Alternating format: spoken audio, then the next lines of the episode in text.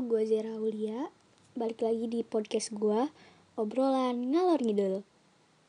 Hai semua, gimana? Puasa pertamanya lancar? Alhamdulillah sih kalau sepertinya kalian lancar.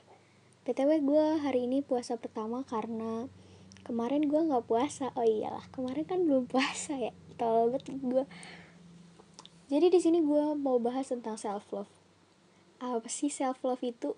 Kayaknya udah pada sering dengar tapi susah gitu ya.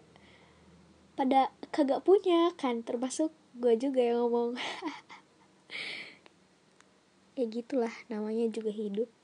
Kadang pas kita sadar kita kayak seolah-olah berusaha buat ngembangin self love itu tapi terkadang di saat kita melihat kelebihan orang lain, pencapaian orang lain, paras orang lain, malahan jatuhnya kita nggak punya self love gitu.